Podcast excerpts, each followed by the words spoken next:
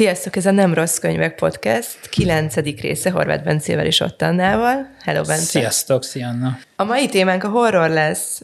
Erről fogunk beszélgetni a későbbiekben, de, de mi nagyon szeretjük ezt az újfajta adáskezdést, amikor megosztjuk egymással, hogy ki mit olvasott éppen az elmúlt két hétben, és reméljük, hogy ti is szeretitek ezt.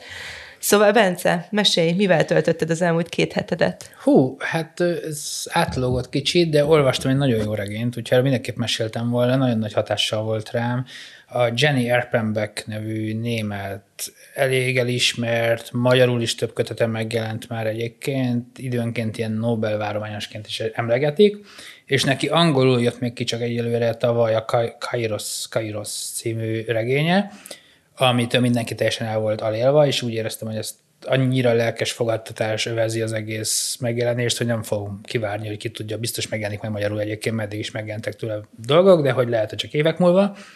És elolvastam, és teljesen berántott, és le vagyok nyűgözve, úgyhogy már most januárban az év egyik kedvence szerintem megvan. Ö, nagyon nehéz röviden mesélni erről a történetről, meg nem is akarom lelőni a nagy csavarokat benne, alapvetően egy szerelmi történet, ami elég erősen indul abból a szempontból, hogy egy 18-19 éves lány szeret bele egy 34 évvel idősebb férfiba, illetve viszont, ez egy nagyon, ráadásul egy házas, 50-es éve jelen járó férfiba. A 80-as évek végén Kelet-Berlinben vagyunk, és az ő nagyon-nagyon viharos, és aztán mindenféle sötét fordulatokat rejtegető szerelméről szól egyrészt a történet, már ez is nagyon erősen megírva, tehát így a, az, hogy mind a ketten milyen érzelmi hullámvölgyeken mennek át, az szerintem fantasztikusan írja meg az Erpenbeck. Egyébként nagyon kíváncsi vagyok ezt, hogy lehet majd magyarra fordítani, mert mert azt az írás technikát választja, hogy így gyakran bekezdésen belül is folyamatosan váltogatja, hogy éppen kinek a nézőpontjából mesél erről a kapcsolatról, és nyilván angolban meg németben is ez könnyű, mert lehet a névmásokkal játszani, és mindig tudod, hogy a férfi vagy a nő beszéle, ez egy pokoli fordítói feladatnak tűnik nekem így látatlanban, de nyilván nem értek a fordításhoz, lehet, hogy ezt nagyon könnyű lesz megugrani, de meglepődnék, mert hogy tényleg olyan a szöveg, hogy olvasod a mondatokat, és így ahogy összeérnek a mondatok, onnantól folyamatosan változnak a nézőpontok. Ráadás, vagy emellett, hogy van ez a szerelmi történet, ami nyilván egy ilyen társadalmilag azért 34 év az elég sok, és akkor ennek van egy csomó ilyen vetülete, amit most nem akarok itt kibontani, hogy ez megmaradjon az olvasás élményéhez. Ez hozzájön a 80-as évek Kelet-Németországának világa, ami sok szempontból persze ismerős, és az ilyen magyar szocialista világból Balatonra járnak amúgy a szereplők nyaralni, tehát ez, ez a magyar szál benne, és hogy nagyon erős az Erpenbeck könyvében, általában is egyébként erős ez az ilyen német múltnak is a történelmnek a feldolgozása, és itt ez nagyon hangsúlyosan előjön, hogy hogyan bomlik szét ez a társadalom, hogy a nyugattal való újraegyesülés az milyen felfordulást okoz, és, ennek az, és az még fontos talán, hogy a főszereplő férfi, az 50-es évben járó férfi, hogy elismert, befutott kelet-német író, ilyen maximális csúcsértelmiségi háztartásból, és hogy az ő szemén keresztül hogyan van leírva az, hogy ez a kelet-német társadalom, amiben egyébként eléggé hit. Legalábbis fiatalon mindenképpen, ezért már ez megkérdőjeleződik eddigre. Ez hogyan bomlik szét és esik darabokra. Ez van egy ilyen nagyon viharos és elég sötétre forduló párkapcsolatnak a leírásával vegyítve. Nagyon-nagyon tetszett. Én képzeld el, hogy elkezdtem egy regényt, a, amiről lehet, hogy így amúgy nem is beszéltem volna, de, de történt velem egy nagyon izgalmas dolog, és en, ezt viszont el szeretném mesélni, mert hogy öm, van egy ír szerző, 89-es születésű fiatal lány, Nicole Flatterynek hívják, és ez a debütáló kötete, az a címe, hogy semmi különös, a magvető adta ki pár hónap, és N. Kis Zsuzsa fordította.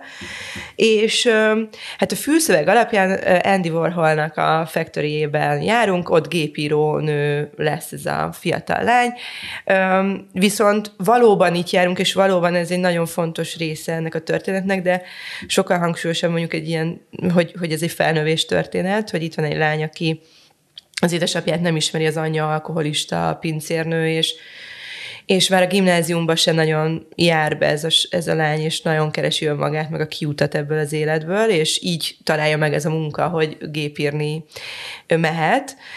Szerintem akkor még nem egészen tudja, hogy ő hol van, és kik között, és mondjuk Varhol neve is talán csak egyszer ö, hangzik el a, a regényben. Ö, és az az, az ő és a, a, a másik gépírólány feladata, hogy magnószalagokat kell begépelni, hogy ez végül könyvé álljon össze. A magnószalagokról nagyon-nagyon sok minden kiderül, hogy, hogy ez az értelmiségi művészközeg, ők hogy mibe vannak. Nagyon sok helyzetben sok kiszolgáltatottságot lehet hallani, olvasni, és akkor nyilván a könyv vége fel egyre csak bomlik le az, hogy, hogy ezek a fiatal lányok, akik otthonról elmenekülnek, és valami nagyon csillogó, nagyon-nagyon fényes jövő remélnek egyrészt ettől a közektől, másrészt New Yorktól magától, hát hogy hogy csalódnak ebben, hogy hogyan bomlik le ez az egész álom. És ez egy tök jó könyv volt, igazából élveztem, és, és, és de hogy úgy nem olyan nagyon maradandó élményt nem adott, viszont azt adta, hogy ugye folyamatosan elkezdtem érdeklődni Varhol után, nézni az interjúit, kutatni, hogy mik ezek a magnószalagok, mit rögzített ő akkor. És képzeld el, hogy elővettem nagy közös szerelmünk Olivia Langnek a, a Magányos Város című kötetét, amit szerintem én tavaly nyáron rendeltem meg, valamelyik másik kötetben volt utalás rá, és, és ez a magány dolog engem nagyon-nagyon érdekel, és akkor csak belekezdtem, és valamiért félreraktam, viszont most elkezdtem újra olvasni, és ugye ez a kötet, ez egy ilyen nagyon furcsa, nem lehet megfogni, hogy mi ez, mert hogy eszék vannak talán benne, de hogy eszék képzőművészekről leginkább, és és, és a szerző ezeket a képzőművészeket azon a szemüvegen keresztül vizsgálja, hogy a magányt hogyan dolgozzák fel, vagy hogyan érinti a személyes ö, életüket, és természetesen sokkal inkább a művészetüket az, hogy, hogy a magányt hogyan mutatják be. De közben egy napló is, mert hogy a szerző megjelenik ebben nagyon erősen, ö, hogy ő maga is éppen egy, egy mélyponton van, Angliából éppen New Yorkba megy, albérletben lakik, egyedül van, és hogy ez a magány, ez milyen is lehet az ember életében, hány típusú, milyen típusú magányokat észlelt. Na mindegy, én azt érzem, hogy kicsit nehéz, mert mindig, amikor valamelyikre így, ja, és, és hogy a művészet, ja, azt mondtam, hogy művészet történet, hogy a valamelyikre így rááll az ember, mondjuk tegyük fel mondjuk egy, egy, egy képzőmésznek az életére, akkor utána nagyon gyorsan vált mondjuk egy ilyen, tényleg egy ilyen filozófiai vagy társadalmi eszmefuttatásba, és amikor meg pláne, ami engem nagyon berántott az ő, maga, ő saját magányélménye, és ez a naplószerűség, akkor is úgy hirtelen ki vagyok rántva ö, belőle. Na de a legfontosabb, ami miatt ezt mégiscsak elhoztam, mert szerintem egy nagyon fontos könyv, és mindenkinek nagyon ajánlom, és te pedig említetted, nem tudom, hogy felvételen kívül vagy belül, hogy, hogy, hogy jön, vagy uh-huh. hogy megjelent a kertjéről szóló új kötete Lengnek. Szóval, hogy a második írás az Varholról szól, és arról, hogy, hogy neki a magánya az leginkább a beszédképtelenségében mutatkozik meg, hogy ő egészen egyszerűen elakad a szava, nem találja a nyelvet, nem tud kommunikálni, és nagyon-nagyon sok háttérinfot kaptam pontosan ennek kapcsán a Magnó felvételekről, hogy ő miért csinált ezt, hogy mindenkinek a hangját rögzítette, hogy miért volt fontos az, hogy a párbeszédeket um, utána kiadja könyvbe, hogy, hogy hogy bújt ő el a Magnó felvevője mögé, hogy valami azért mégiscsak a közé és a partnerek közé befurakodjon. Szóval, hogy, hogy ez csak egy nagyon-nagyon érdekes együttállás volt, hogy véletlenül az elmúlt hetemet ezzel az emberrel töltöttem, és sokféleképpen ismerkedtem vele. Még egy könyvet röviden bedobnék, azért is csak röviden, mert a, hét, a múlt hétvégén írtam róla egy cikket, úgyhogy ha valaki jobban érdekel, ott is lehet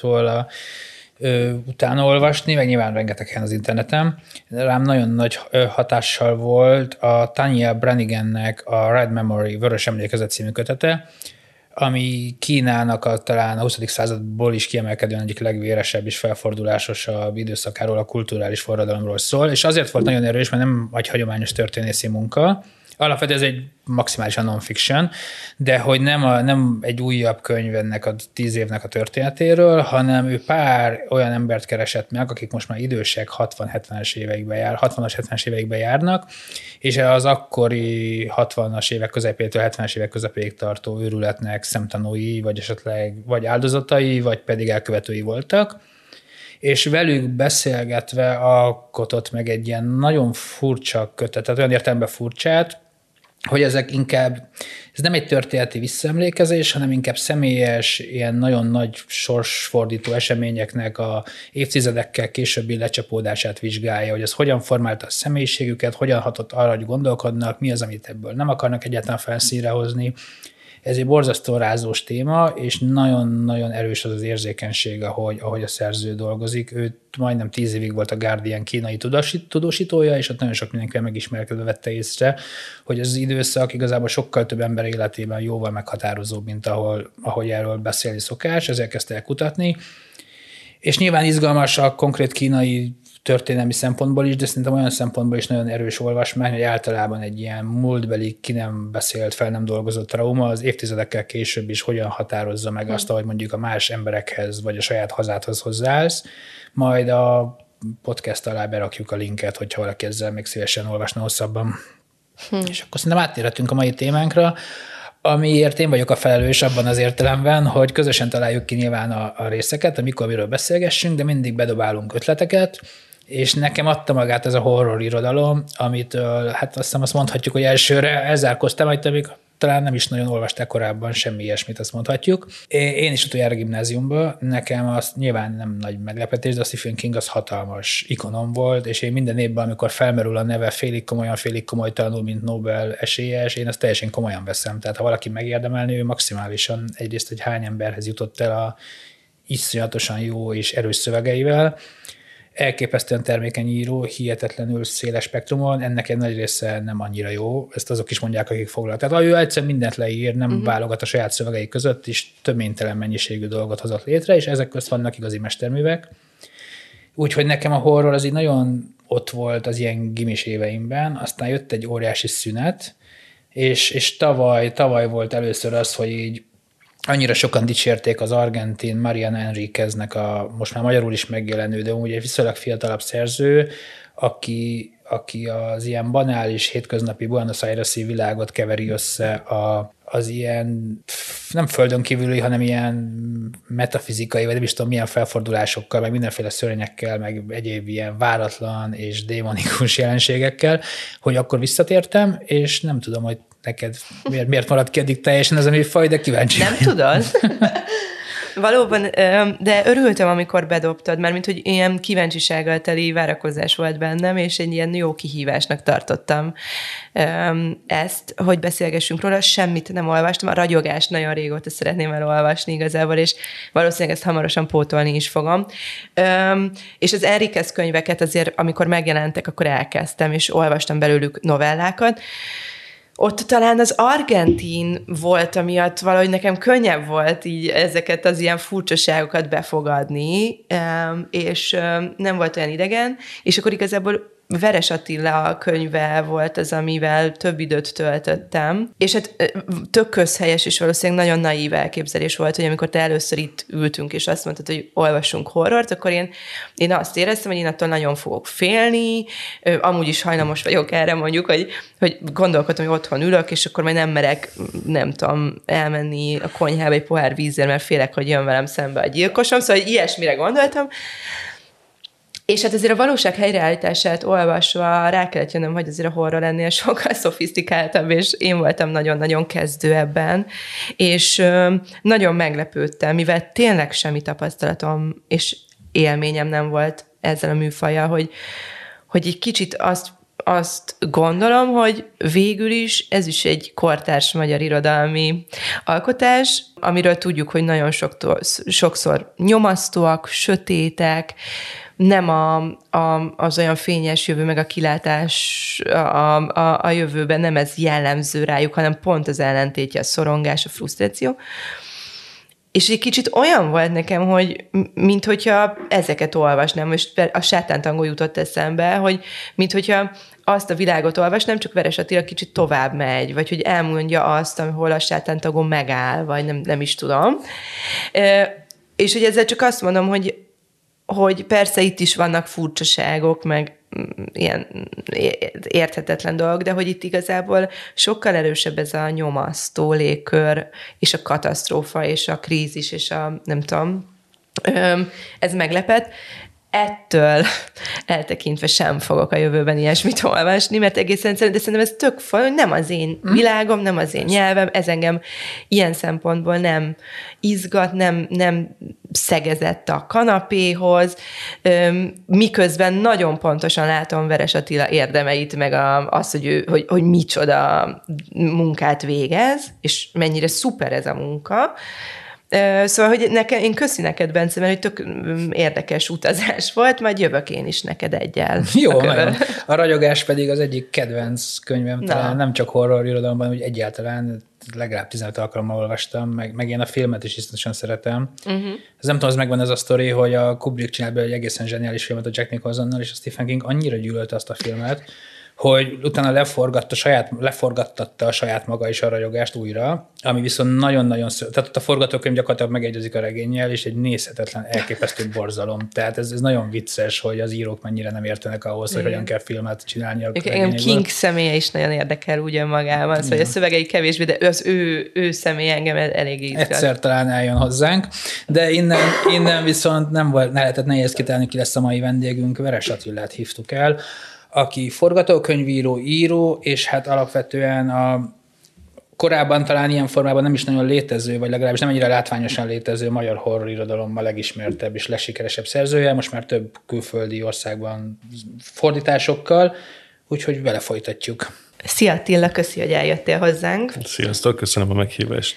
Um, nem hallottad az előző részt, de én abban beszéltem arról, hogy nekem ez, ez az első találkozásom a, az ilyen típusú irodalommal, és um, és valószínűleg nagyon közhelyesen, nekem is nagyon más elképzelésem volt, amikor a, a Bencével terveztük ezt a részt, hogy mi fog történni velem, amikor én horrort fogok olvasni, direkt csak napfényben olvastam, nem este vettem elő, és, és én azt gondoltam, hogy itt ilyen vér és gyilkosságok lesznek, és én ettől majd nem fogok tudni aludni. Ehhez képest nagyon mást kaptam, nagyon örültem, hogy mást kaptam, mert az a nyomasztás, amit én folyamatosan, vagy az a nyomasztó légkör, az ismerős voltam úgy nekem más könyvekből és a kortárs magyar irodalomból akár, és akkor a molyon keresgéltem rólad bejegyzéseket, és volt egy kedvencem, ami így szól, hogy nem lennék albérlő Veres Attila agyában, és akkor arra gondoltam, hogy én is iszonyúan vártam, hogy találkozzunk, mert biztos nekem is volt egy ilyen nagyon erős elképzelésem, hogy kivel fogok én találkozni, aki ezeket a szövegeket megalkotta.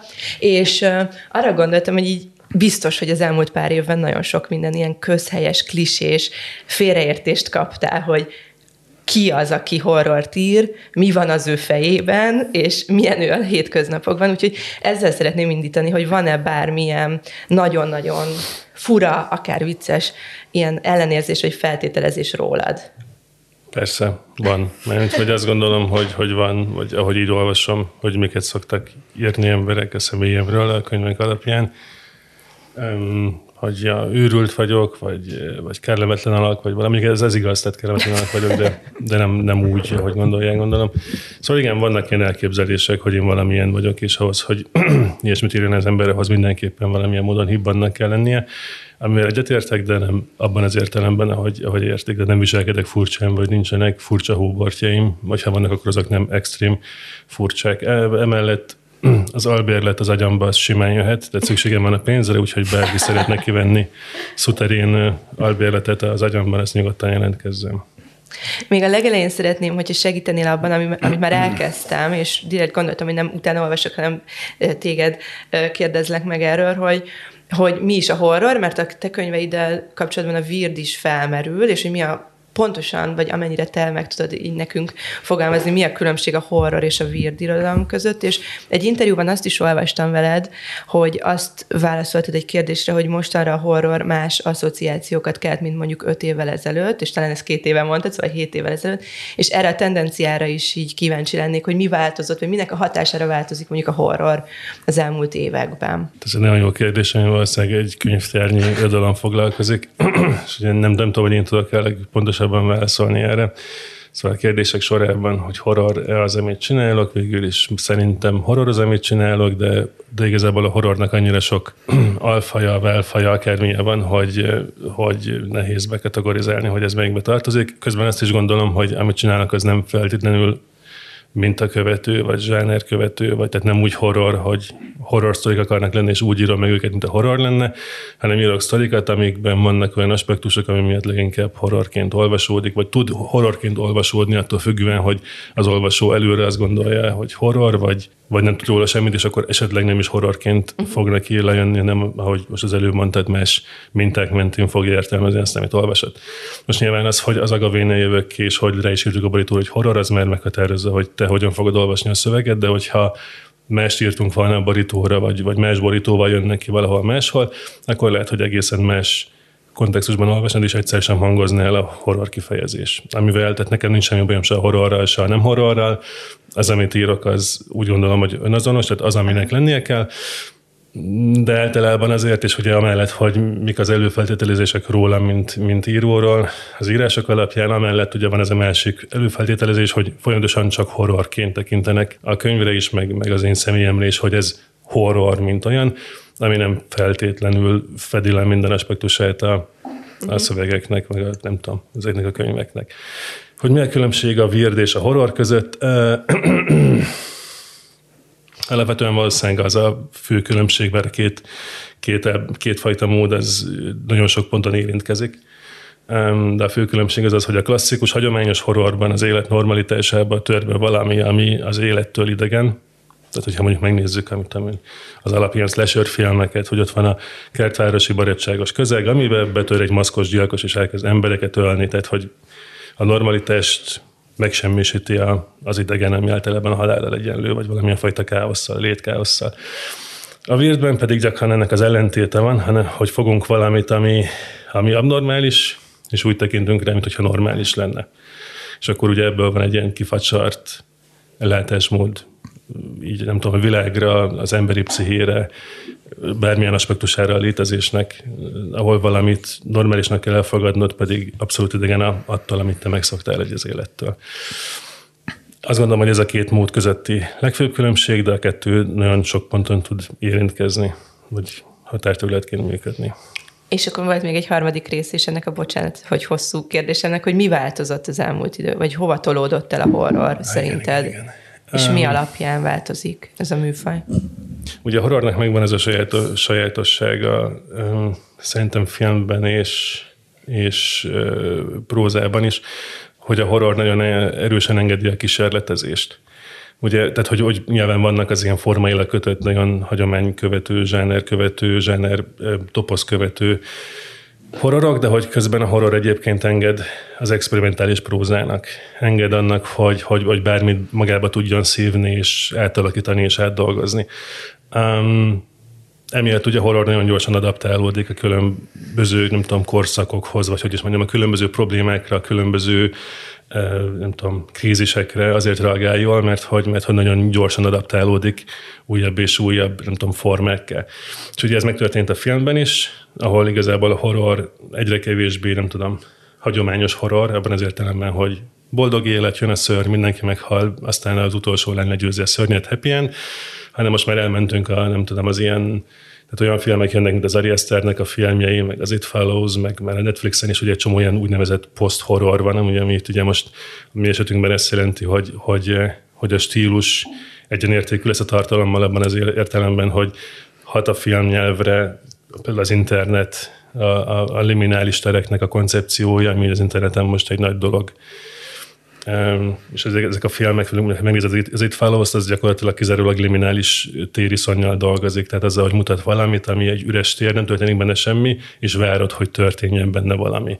Tehát, hogy ilyen módon a horrornak most már van egy, tehát, hogy lett egy ilyen egy ilyen dolog benne, ami a filmeket közelebb vitte mondjuk az arthouse mozikhoz, és ugyanúgy, hogy a horror irodalmat pedig közelebb vitte, vagy egy, egy szegmensét biztosan közelebb vitte az experimentális és a szép prózához. És nagyon gyakran vannak ugye határterületek, ahol, ahol a kettő összeér, például a, a Marianne Enriquez esetében, amiről kávézás közben már ejtettünk néhány szót és hogy, hogy miért lett népszerűbb. Azt gondolom, hogy egy olyan, olyan létkrízisben vagyunk, mint civilizáció gyakorlatilag, hogy és annyi szorongás van a világban, hát legalább 2008 óta, de valószínűleg ez 2001-ben indult, és kulminálódik, 2008 egy nagy fordulat volt, és most még erősebben jönnek fel ezek a tehát hogy, hogy mindenfajta szorongás, tehát nem csak egy, hanem nagyon sok, mindentől lehet szorongani, és mindentől jogosan lehet szorongani és félni, és ugye van egy nagyon, nem tudom, reális veszély annak, hogy a világ, amit ismerünk, most hullik gyakorlatilag a szemünk előtt darabokra, és nyilván erre nem a, nem a romkon fog reagálni, hanem, hanem, a, hanem a horror. És mivel, hogy ekkora tömegek élnek ebben a fajta krízisvárásban, vagy, vagy permanens szorongásban és krízisben, emiatt nyilván vonzódnak azokhoz a, a, a, a alkotásokhoz, amik erre a szorongásra reflektálnak. Mert igazából a horror lehet exploitatív műfaj, tehát hogy, hogy dolgozhat azzal, és ugye ilyen volt mondjuk a 80-as évek horrorjának egy jelentős része, hogy nézd, csöcsök, kés, vér, buli. A mostani horror viszont, a releváns horror, az, az ennél azért több. Tehát, hogy nagyon markánsan reagál ezekre a szorongásokra, anélkül, hogy, hogy nem tudom, toposszá tenni a szorongást, anélkül, hogy hogy megnevezni. Igen. És hogy igazából ebben van egy ilyen, egy ilyen nézői katarzis, hogy, hogy szembe jön velük az, amit éreznek, és hogy ezt így jól megélni. Szóval azt gondolom, hogy a horror ezért is mozdult el, Ja, és hogy a magyar horror miért mozdult el. Ugye abban az interjúban, ahol ezt választottam, specifikusan a magyar horrorról volt szó, hogy miért brandingeltük a könyveimet Virnek az elején, és miért mondjuk rá azt, hogy horror most. Ah, mit tudom én. Hát ugye fő, főleg azért ugye a 90-es években, amikor volt a nagy, nagy ponyva hullám, akkor ugye minden lehet ezt mondani ebben a műsorban, hogy szar? Persze. Ugye minden szart kiadtak, tehát hogy a, hogy a, hogy a horrornak abszolút volt egy ilyen ha kezdve egy horrorkönyvet, akkor tudtad, hogy ez nem lesz jó. Tehát, hogy az, az vérrel, mocsokkal, némérőszakkal belekkel lesz tele, valószínűleg nem fizették ki az írót, az írójogdíjait, alapvetően egy hulladék a könyv. Nagyon sok könyv jött ki, és egy jelentős része abszolút hulladék volt, és nyilván ez így hozzá is tapadt a horrorhoz ez a címke, hogy az szükségszerűen egy hulladék, hiszen annyira sok rossz példa volt a 90-es években, főleg a könyvkiadásban erre. És amikor ugye az én könyvem, az első könyvem kijött, akkor, akkor ezt így számításba is vettük, hogy a horrornak nincs nagyon jó marketingje igazából a, a magyar, magyar könyvpiacon. Viszont a Weird az valami, ami éppen akkor egyébként történt, és én magam is sok Weirdet olvastam, és azt gondoltam, hogy azt is írok. Ugye akkor jött ki a Jeff Vandermeernek a, a könyvei az a Gavénál, a China Mayville már nagyon ment, ezek ugye mind modern Weird írók.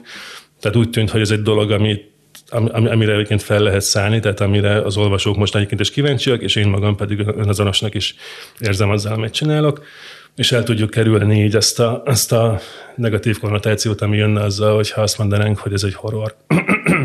és aztán pedig ugye az első két könyvre elég jól reagált a közönség, és közben megtörtént ez a csavar, hogy a Weirdből mindenki lassan elcsúszott így a, így a horrorba, a horror egyre kevésbé lett, főleg, hogy megjöttek ezek a post-horror filmek, és így nem tudom, eltelt elég idő, hogy a, hogy a közönség így, így, így befogadja azt, hogy már ilyen a horror, már ez a horror, így már eltűnt ez a, ez a negatív előjel a, a, a horror szó elől. Nek volt értelme, ez kicsit képzavaros. Mindegy, szóval értetek, szóval az enyének, hogy már tudtuk ezt mondani, hogy horror, és a közönség is boldog, mert ezt mondja, hogy oh, végre horror, tök jó.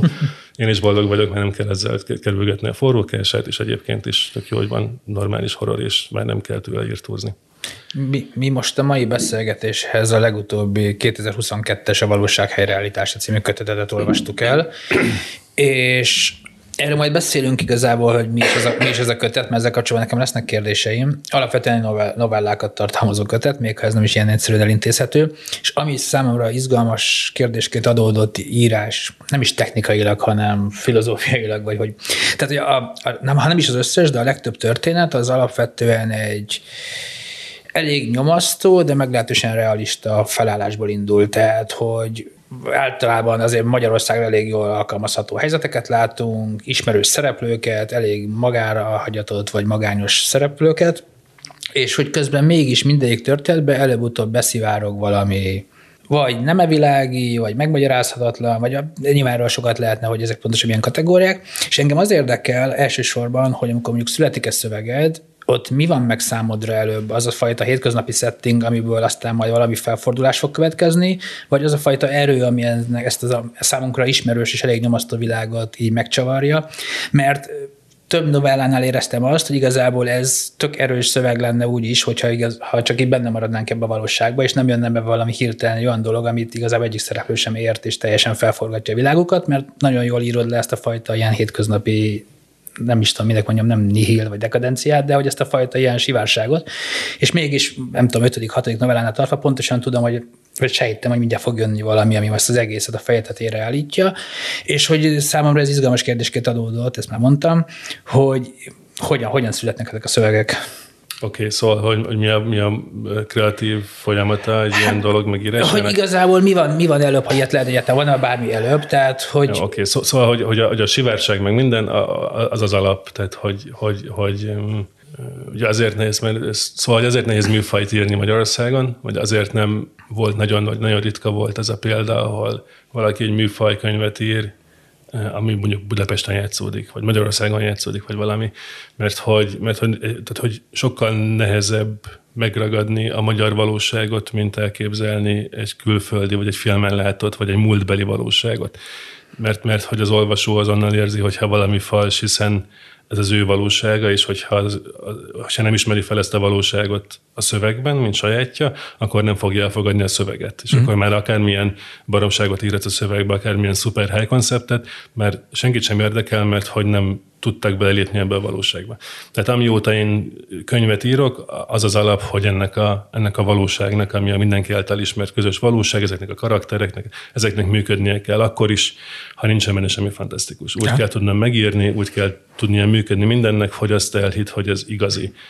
Um, és itt nem csak arról van, hogy át akarlak verni, és higgyél el valamit, ami nincs, hanem, hanem, hanem egyszerűen csak, hogy ne dobódj ki a szövegből, és hogy fogadd el, hogy ez a szöveg rólad szól, ez a szöveg a te országodról szól, ez a szöveg mostról szól, e, e, ez a tiéd.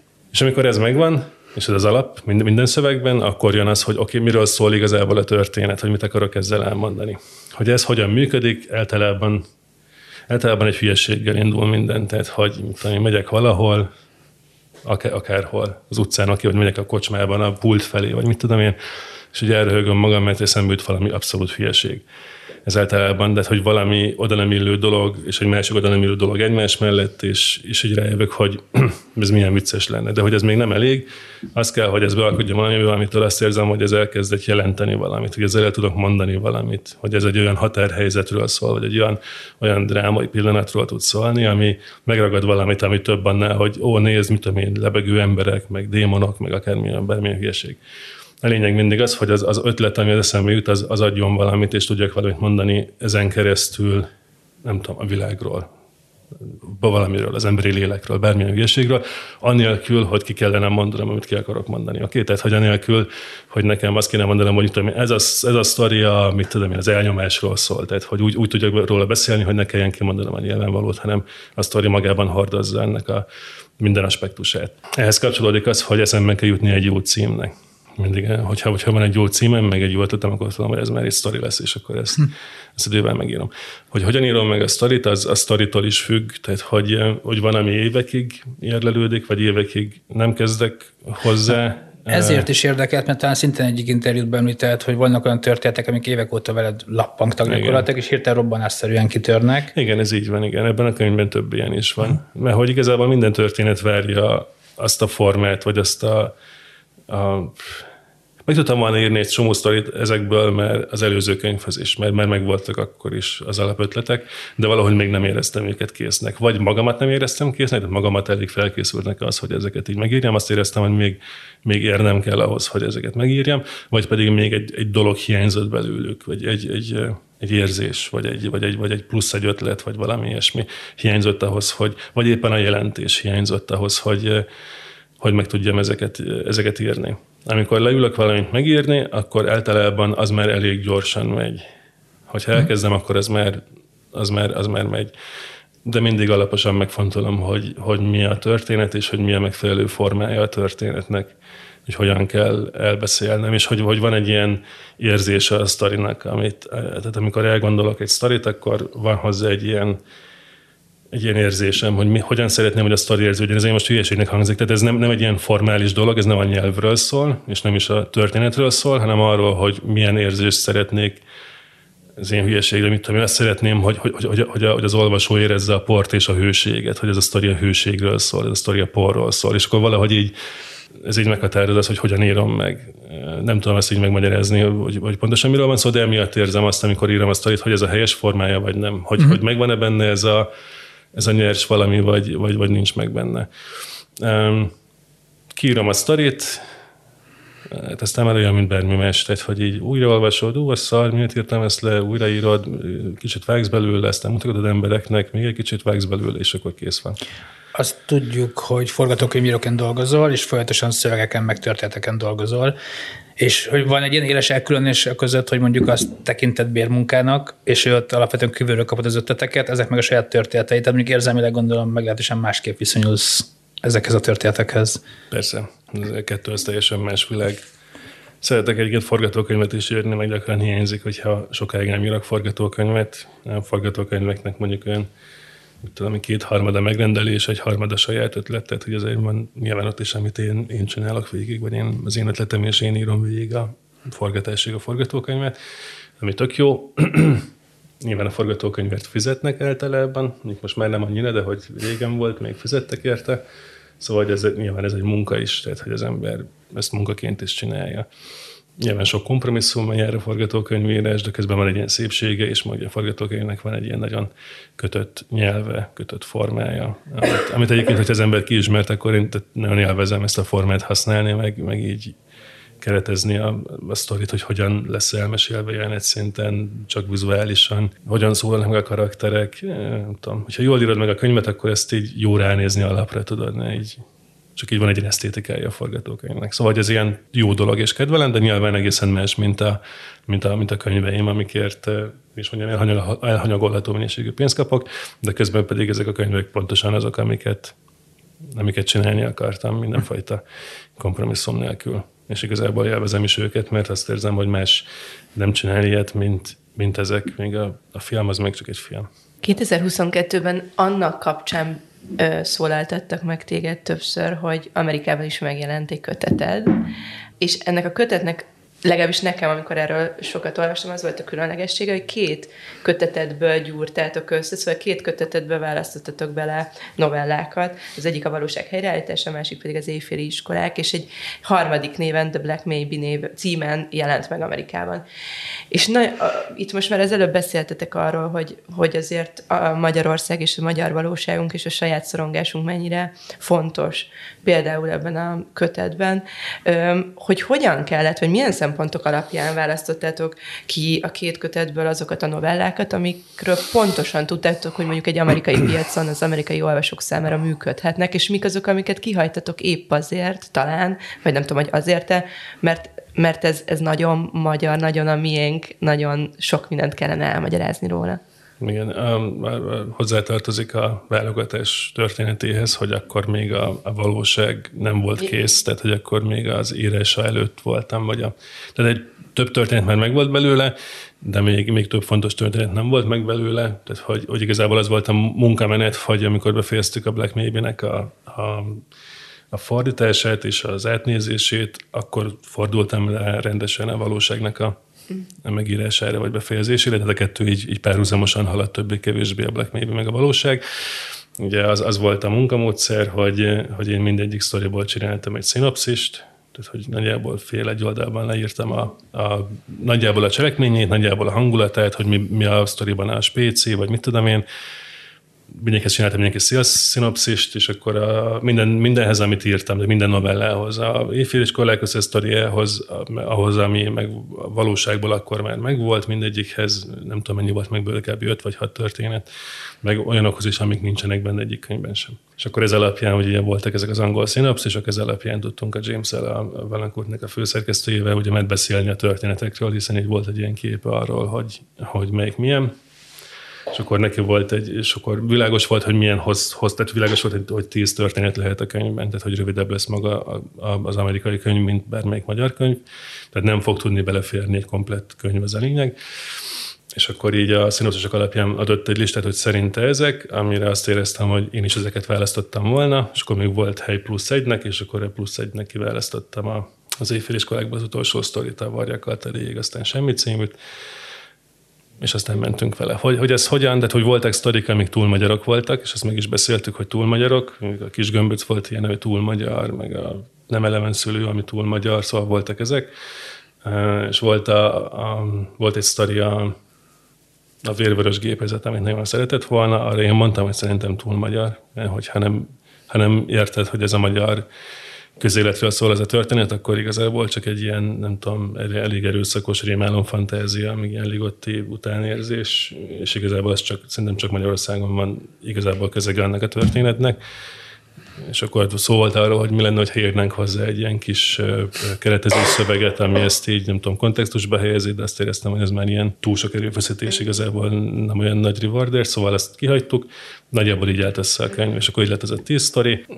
És igazából ezt érzem, hogy vagy azok a visszajelzések jönnek Amerikából, meg így, nem tudom, világ más pontjairól is, hogy emberek nagyon maguk, magukének tudják érezni ezt a ezt a könyvet, meg ezt a világot. Szóval, hogy valahogy külföldieknek is nagyon jól működik ez a, ez a, ez a magyar valóság, sőt, olyat is kaptam én amerikaiaktól, hogy a, hogy a ködváros az ő gyerekkorukról szól, amilyen tök jó. Okay. Visszatérnék még arra, amit az előbb már felvetettem, hogy ez igazából egy novellákat tartalmazó kötet, de számomra olvasás közben az volt egy nagy élmény, amikor nem tudom, azonban nem emlékszem a konkrét pillanatra, hogy ez hányadik novellában jött el, de amikor világossá vált, hogy ezek a szövegek igazából egymással beszélgetnek, vagy kapcsolódnak, folyamatos valószínűleg többször el kéne olvasni, nem valószínűleg, biztos többször el kéne olvasni a szöveget, hogy még több ilyen kapcsolódást felfedezzek, de így is nagyon egyértelmű, hogy ezek rimmelnek egymásra, néha csak egy szereplő, vagy egy dalnak például a többszöri megidézése. Vannak nagyon egyértelműen összefolyó történetek, meg kevésbé, és a, nyilván adódott ekkor a kérdés, hogy ezek miért novellaként jelentek meg, hogy egy, igazából a, a végén egy, ezt talán el lehet mondani azoknak, akik olvasták a kötetet, megjelenik egy önmagaddal készített interjú, ami teljesen hagyományos hétköznapi interjúként indul, és az is aztán kicsit eldurul a végére, pont az összes többi történet. És ott te magad mondod, hogy igazából ez egy hibrid műfaj, valahol félúton a, a novella, novellás kötet és a regény között, és ez nagyon találó volt. És érdekelne, hogy miért ebben a formában találtad leginkább megfoghatónak. Azért vannak itt olyan történetek, amik szerintem simán kibonthatóak lettek volna egy regénybe, de ezt úgy mondom, hogy én nem írtam még ilyet, tehát hogy biztos eljött egy pont, amikor azt érezted, hogy mégse, és érdekel, nem jó volt ez a pont. Alapvetően nekem a regényhez több kell, mert hogy a, a, a regény nagyon extrémnek kell lennie, hogy regényt akarjak írni. Meg a probléma az, hogy igazából amikor ezt a könyvet írtam, akkor ugye erről a krízisről, erről a válságról akartam írni, amiben így, így az országban, meg mi vagyunk, meg mit tudom én, és erről a szorongásról, amit azt gondolom, hogy, hogy a, a legtöbb, legtöbb ember most így érez.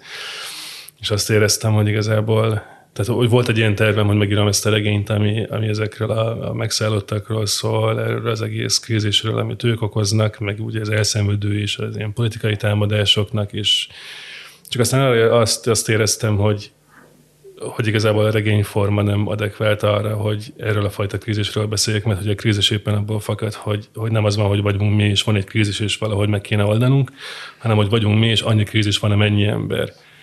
És igazából, mit tudom én, én azt érzem, hogy ők elnyomnak, ők azt érzik, hogy én nyomom el őket, és akkor most így kinek van igaza, igazából mindenkinek és senkinek nincs igaza, és igazából már nincsen ebben az értelemben objektív valóság, hiszen most már különösen a, az online tér segítségével nagyon könnyen felül tudjuk írni az objektív valóság koncepcióját, mint olyat, és akkor igazából, igazából mindenkinek van egy privát krízise, ami ilyen vagy olyan módon kapcsolódik, vagy akár teljesen nem kapcsolódik más ember kríziséhez, és hiába él mindenki ugyanebben a térben, valójában abszolút nem élünk ugyanebben a térben. És azt ismertem, vagy arra jöttem, nem ez felismerés, hát ez most, szóval, hogy arra jöttem rá, vagy azt éreztem íróként, hogy, hogy erről nem lehet, vagy nem tudok hagyományos regényformában írni, mert hogy a regényforma maga megköveteli azt, hiszen ha már beleinvestáltál olvasóként 4-500-600 oldalba, akkor ugye elvárod, hogy a szálak el legyenek varva, hogy a karakterek így, meg úgy, meg izé, klimax, meg mit tudom én. Szóval, hogy, hogy kell lenni egy ilyen kerek formának, ami viszont, hogy is mondjam, hazugságát tenni az állításokat, hiszen hogyha a forma nem egyezik meg ilyen módon a tartalommal, hogyha le tudom kerekíteni és el tudom varni ezt a sok dolgot, ami egy csomó embernek a saját pokla, egy országnak igazából a saját pokla, ami itt, itt szét van töredezve 10 millió emberre, és 10 millió kis privát pokolban él mindenki.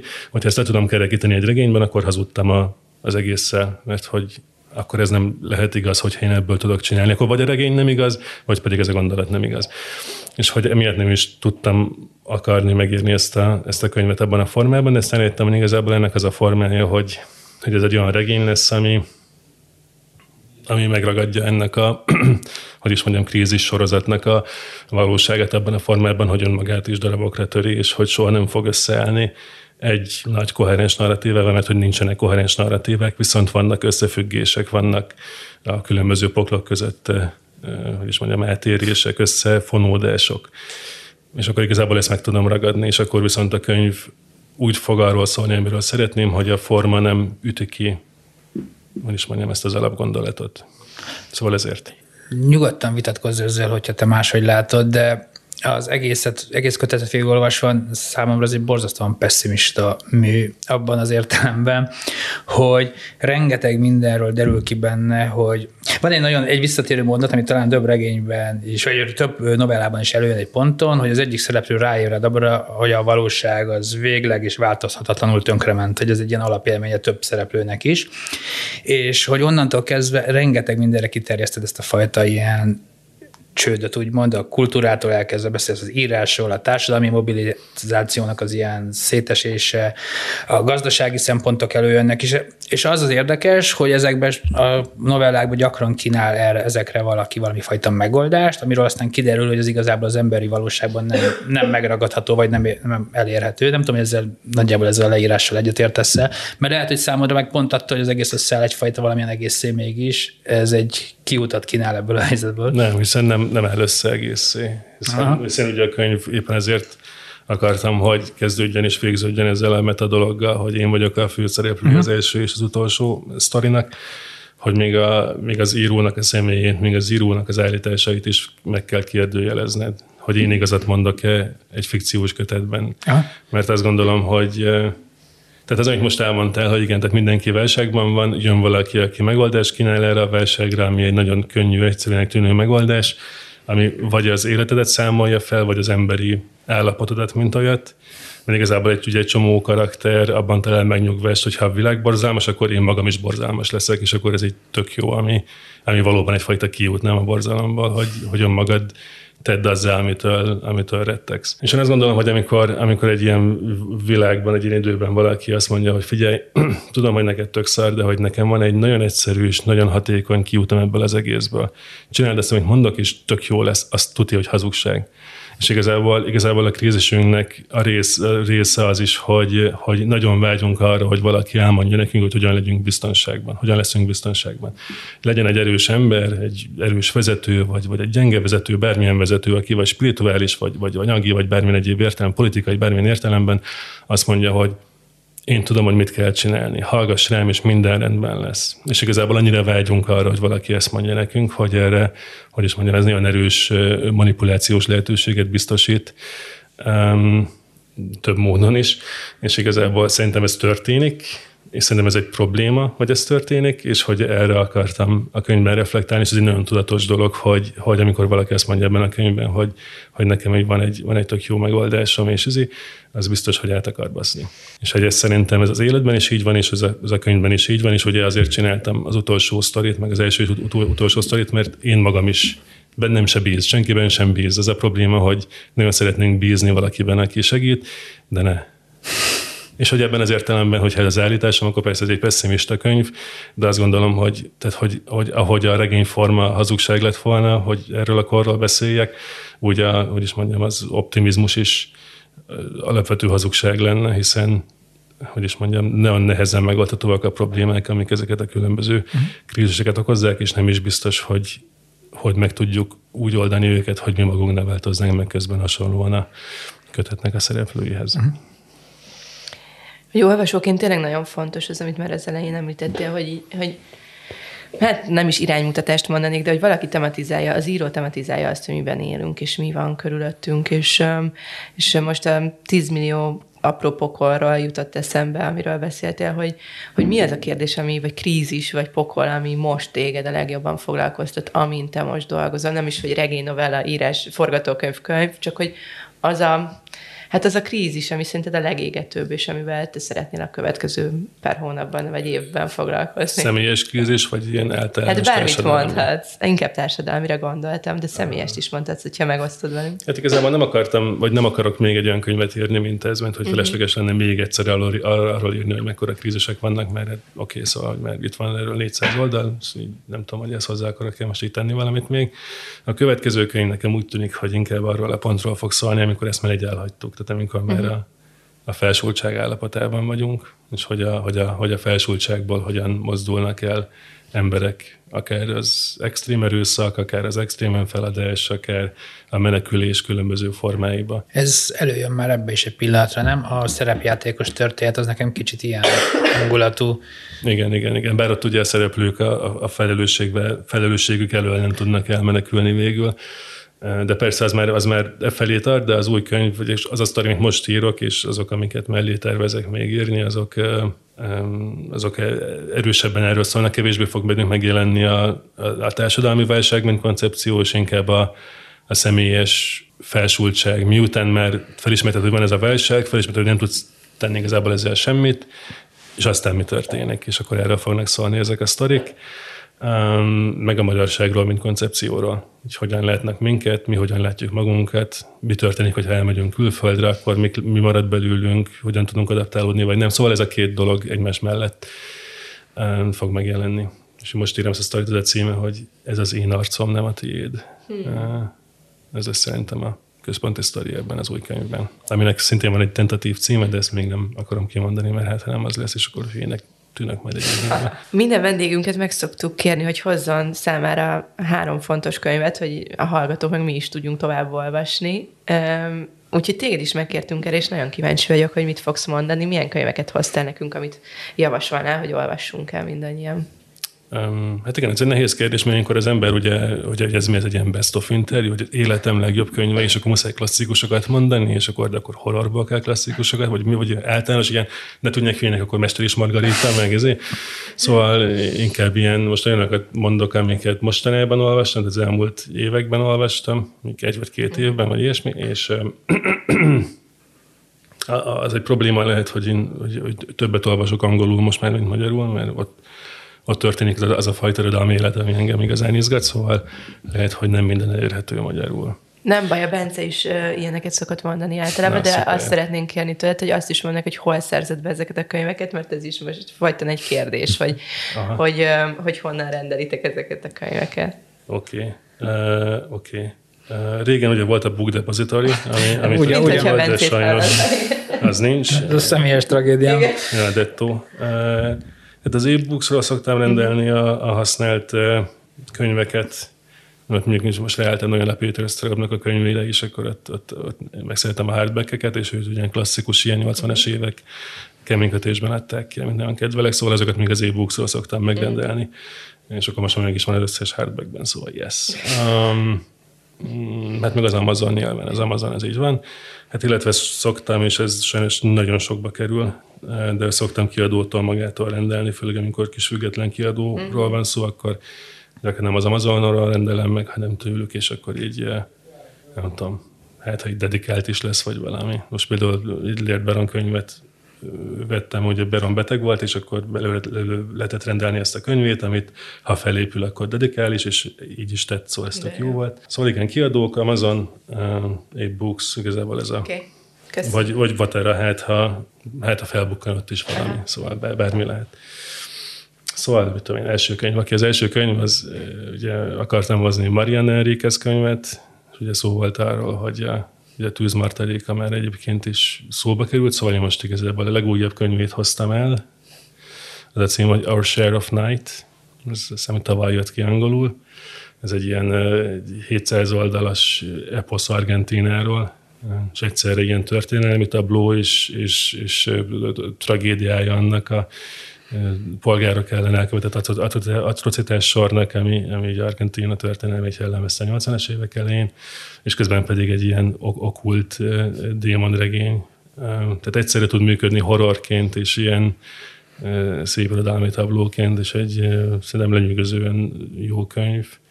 Aggódtam, amit az Enrique ezt a novella írásról váltani ilyen nagy regényformátumra, de abszolút tud, uh-huh. szóval ugyanolyan zseniális, mint a, mint a novellái. Tehát magyarul érdemes elolvasni a Tűzmartaléka című könyvét, természetesen fantasztikus, de ugyanígy az egyben dohányzás veszélye is nagyon jó könyv.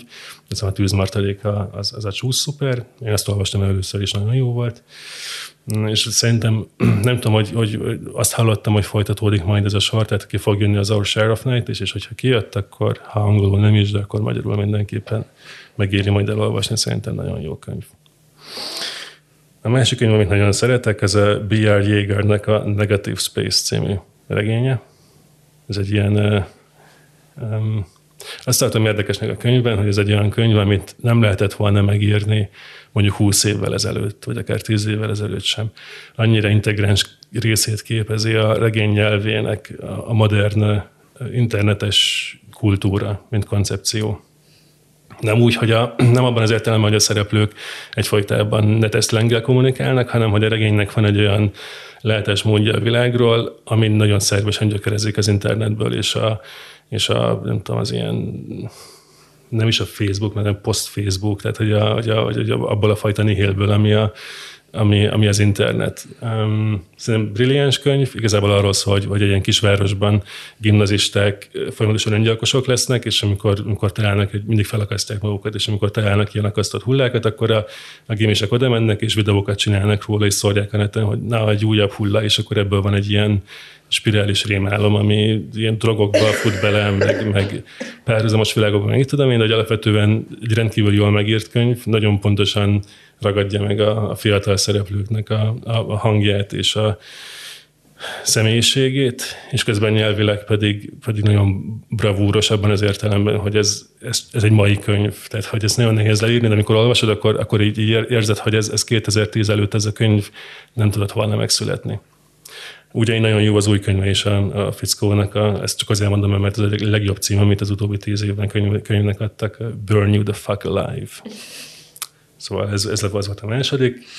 Harmadiknak, nem tudom, bedobok valami, valami nem, harmadiknak menjen ez. Oké, okay, szóval ez is egy viszonylag, nem, nem annyira új, de viszonylag új könyv, ezt mindig elmondom, mert túl jó.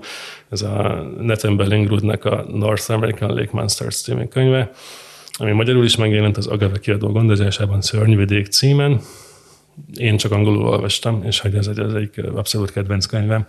Bellingud azt csinálja ebben a könyvben, hogy, hogy fog teljesen hétköznapi embereket, teljesen hétköznapi szituációkat, ezt nagyon pontosan leírja, megragadja, elmeséli, hogy emberek az amerikai társadalomnak a különböző perifériáin hogyan élnek, és abba pedig betesz valamit, ami, ami, ami nem emberi, valamit, ami természetfelett bizonyos értelemben, de nem az a sztoriknek a központja. Nem arról van szó, hogy ez egy, mit tudom én, hogyha mondjuk van a címadó történet, akkor, akkor, akkor ez nem arról szól, hogy, hogy a börtönviselt apa, aki most ki a börtönből, elmegy a lányával, akivel a kapcsolata már nem annyira fényes, hiszen ugye évek teltek el, és aztán ott vannak a, a tóparton, és ott van egy szörny, és a szörnyel kell harcolniuk, nem erről szól a sztori. Arról szól a sztori, hogy, hogy ott vannak a tóparton, a lány és az apa nem tudnak kommunikálni egymással egyáltalán, az apából ugyanazok a reflexek jönnek elő, mint régen, ugyanaz az erőszakra való hajlam, ugyanez a türelmetlenség és közben pedig ott van a tóparton egy halott szörny, ami nem csinál semmit. Viszont nagyon pontosan, pontos képe lesz annak a kapcsolatnak, ami, ami ebben a családban fennáll és minden történet ilyen. Tehát minden történetben az iszonyat az nem a természet felettéből vagy a szörnyszerűségből fakad, hanem az emberből. És az emberből mindig olyan módon, hogy csak a szeretetét próbálja kifejezni valaki, és ez válik borzalmassá, hogy erre, erre milyen módon képes vagy képtelen. Mm, szerintem rendkívül jó könyv, nagyon letaglózó, nagyon szeretem, szóval ez a harmadik könyv, amit hoztam. Nagyon szépen köszönjük. Én köszönöm. Nagyon köszönjük, hogy eljöttél, meg köszi az ajánlásaidat is, és nektek pedig nagyon köszönjük, hogy meghallgattatok minket. Két hét múlva folytatjuk, de még mielőtt elbúcsúzunk, mindig elfelejtjük megemlíteni azt, hogy mi nem csak ketten vagyunk itt Bencével, hanem, hanem vannak, akik segítik a munkánkat. Úgyhogy Bence, kérlek. Igen, ez látszik, hogy kezdő podcastesek vagyunk, és kifelejtjük a legfontosabbat, a stáblistát a végén, hogy ezeket a rend, részeket rendszeresen Fóris Mátyás vágja meg, és Botos Tamás csinálja a nagyszerű címlapképeinket. Nekik is köszönjük. Sziasztok!